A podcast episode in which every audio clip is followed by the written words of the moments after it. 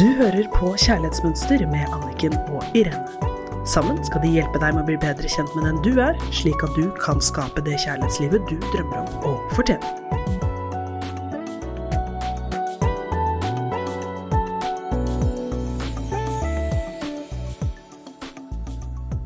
Hei og velkommen til Kjærlighetsmønster med Irene og Anniken.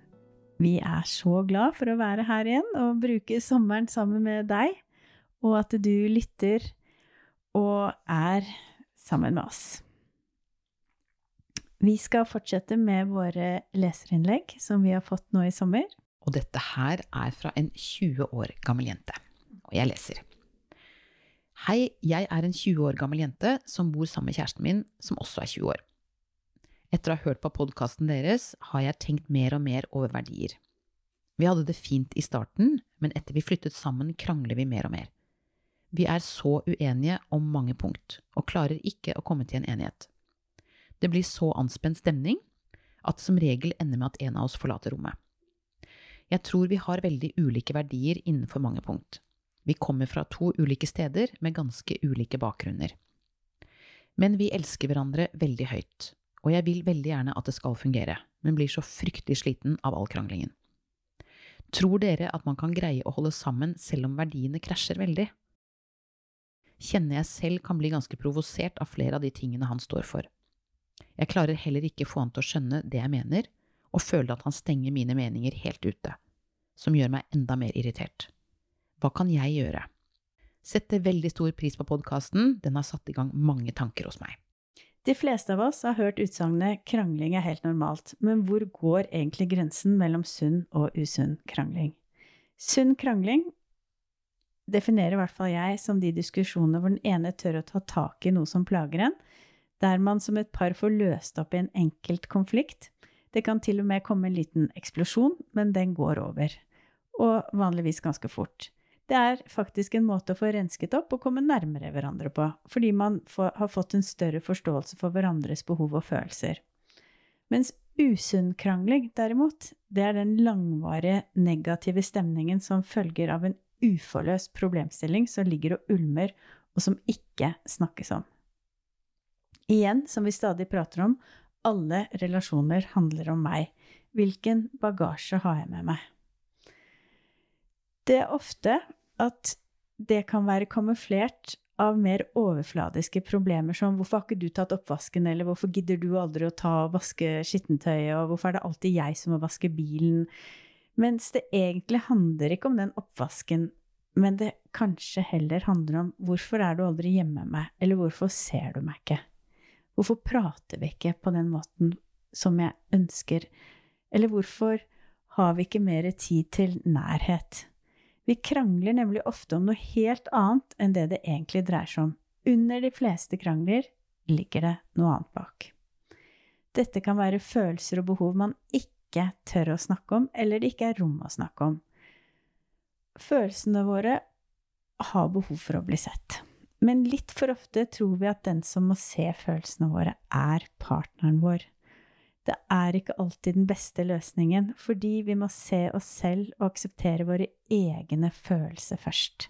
Klarer vi ikke det, vil vi aldri få partneren til å se oss. Interessant perspektiv, og som jeg må minne meg selv på hele tiden. Det å ha forskjellige verdier er jo årsaken til noen av de største konfliktene vi opplever i nære relasjoner.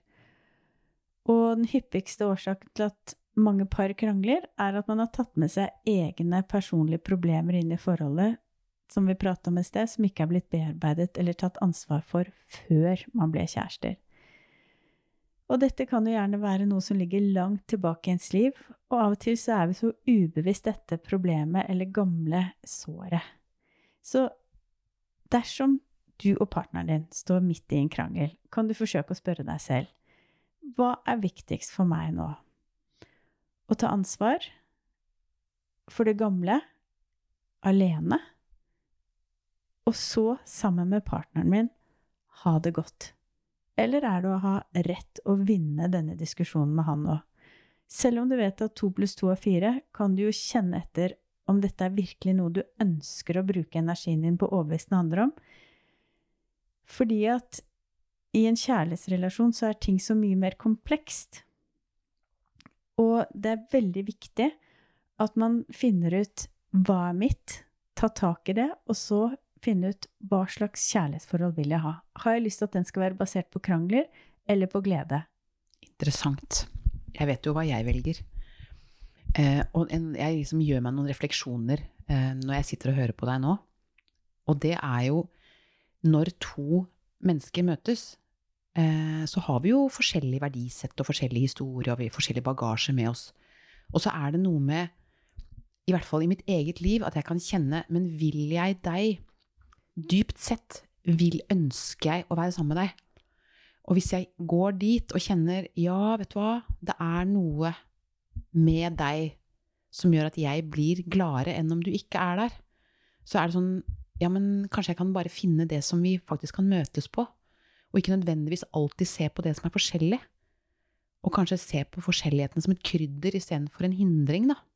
Og så tenke at kan dette som irriterer meg så veldig nå, som innbyr til krangel, kan det vente? Og er det egentlig Er den irritasjonen jeg kjenner nå, proporsjonalt med det problemet vi egentlig diskuterer? Og så er det jo det der med speiling, da, som jeg også liker dårlig. jeg spøker nå. Men når jeg møter noe uh, ved en annen person som irriterer meg, så er det ofte fordi at det er et eller annet i meg, en side ved meg som jeg egentlig ikke er så veldig stolt av eller liker.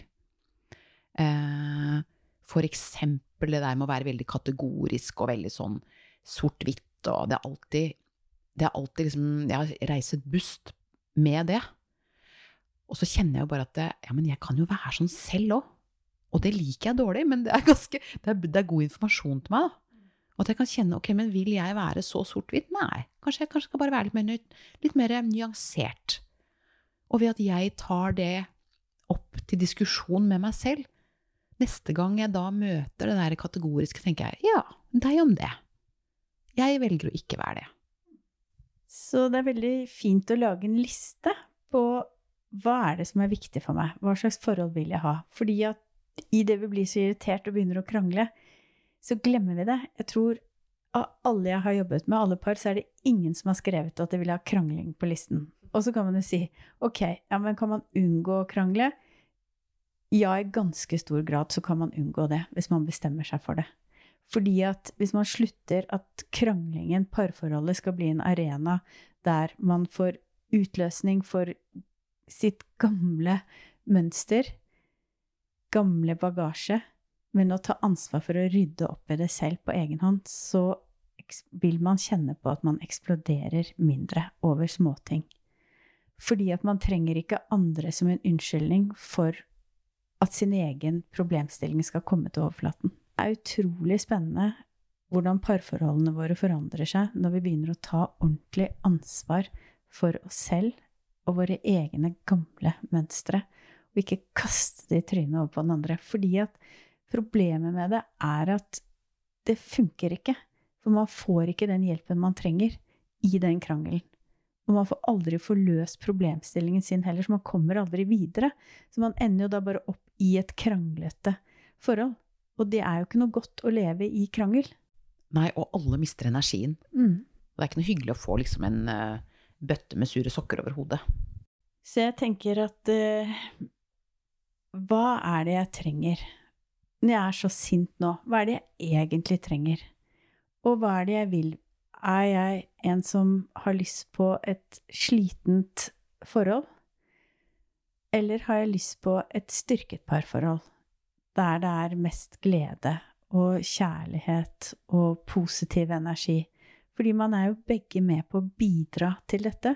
Og det som er problemet med krangling, er at man ofte gjentar det samme type kranglene, og så blir det samme type eksplosjonene, og så kommer man seg ikke noe videre. Fordi man har ikke tatt tak i den egentlige årsaken. Og det er helt greit å ha noen små krangler av og til, det er ikke det jeg mener. Men det er skikkelig viktig å være bevisst. Hva er det jeg krangler for? Hva er det som ligger under nå? Og så ta ansvar for det. Hvis det er noe gammelt, så ikke klag på partneren din. Ta oppgjør og ta ansvar med deg selv, og rydde opp i din egen problemstilling, og så heller bruk den positive energien du har til å skape det forholdet du vil ha. For herregud, så deilig! Altså, det er jo så deilig med en god relasjon. Og det å være sammen den andre gir deg energi. Du ser partneren din når du kommer hjem, så tenker du åh, jeg har bare assosiert med gode følelser. Og dette her er fullt mulig lenge etter at forelskelsen er over. Og det er ikke alltid de første årene som er de beste årene. Det kan være når man har blitt kjent med hverandre, vært igjennom en del av disse problemstillingene, og begge har begynt å ta ansvar, at man virkelig kan få det gode forholdet. Noen kan klare å skape det med en gang, men for andre kan det ta år. Og derfor kan et forhold som har vart i mange år, være så godt og så trygt. Jeg, får, ehm, jeg bare husker på en historie med et vennepar som også kranglet noe voldsomt, og det ble, det ble nærmest en sånn uvane. Eh, og så laget jeg et gult kort med et stort smil og et hjerte på, som jeg ga til hver av dem. Sånn at da de ble liksom helt sånn overopphetet, så var det lov å gi det et gult kort med et smil og et hjerte på til den andre. Og da var det et tegn på at ok, nå bare stopper vi. Bare stopp det vi er i. Og enten bare gå hver til seg og puste litt, eller bare gi hverandre en klem, eller et eller annet. Bare, bare stoppe det. Og med litt humor, da. For det er klart, vi mister jo all humor når vi går dypt inn i en krangel. Eh, og blir veldig sånn selvrettferdig og selvhøytidelig og egentlig ikke så veldig sjarmerende. Så det kan jo være kanskje noe å gjøre. Absolutt. Og det å på en måte legge seg til en vane å sende én hyggelig tekstmelding med et kompliment hver dag, eller å si det enda hyggeligere personlig, én hyggelig ting hver dag som du har fokus på, så skifter man fokus. Så det er veldig viktig. Jeg tenker Når man kommer i en sånn kraftsituasjon, for det er enormt med krefter idet krangelen er ordentlig i gang, har du noen tips da til par hva de kan gjøre for å stoppe den derre heaten som føles så sterk, og at man nesten ikke klarer å stoppe seg selv? Det er jo å bruke viljen.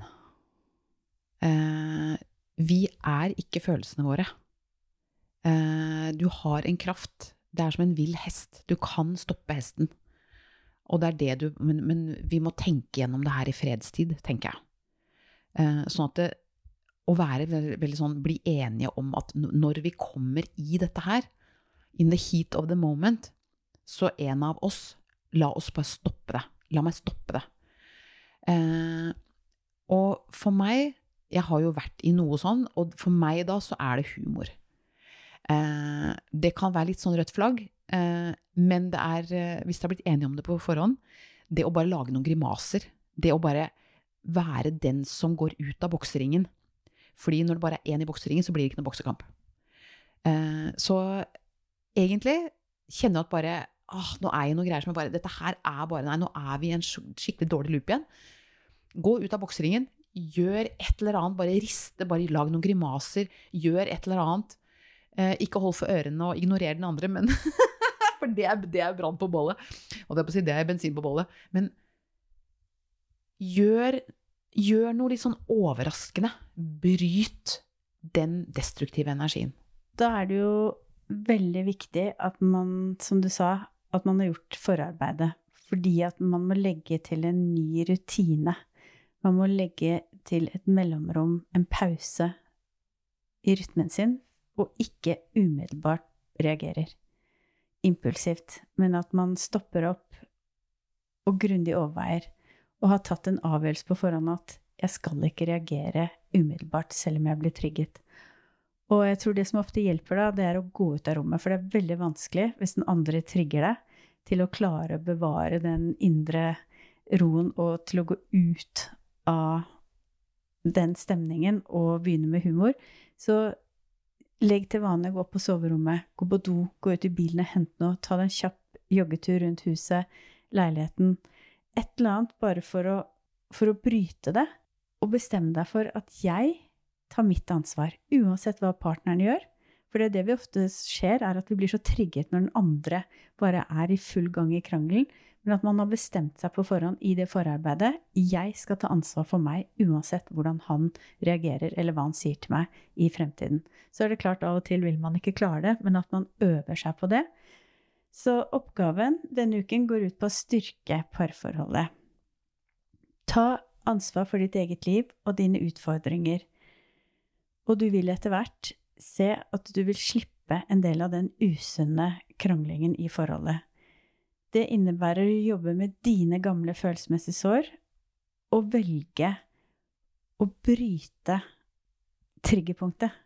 Og det trenger vi hjelp til. Gå ut av rommet, og så ha bestemt deg på forhånd, enten om du gjør det som Irene sa, med humor, eller at du kommer tilbake og sier noe hyggelig til partneren din istedenfor. Altså det stikk motsatte av hva som er i gang.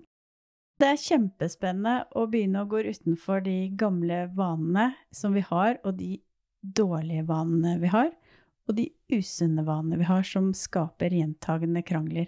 Det er ingen av oss som liker det. Og hvordan skal vi slutte med det? Jo, da må vi ta ansvar for det, og det gjør vi aller best når vi tar det helt selv, uansett hva partneren vår gjør eller ikke, for da forandres dynamikken seg mellom oss i forholdet. Herlig, god helg! Masse, masse kjærlighet. Og masse, masse lykke til med å bryte gamle mønstre og si stopp til krangling og ja til et fantastisk forhold med glede og alle de ingrediensene vi vil ha, istedenfor det vi ikke vil ha. Hurra. Herlig. God helg. Du hørte akkurat podkasten Kjærlighetsmønster. Hvis du vil ha flere tips og triks, gå inn på kjærlighetsmønster.no, eller følg Kjærlighetsmønster på Instagram.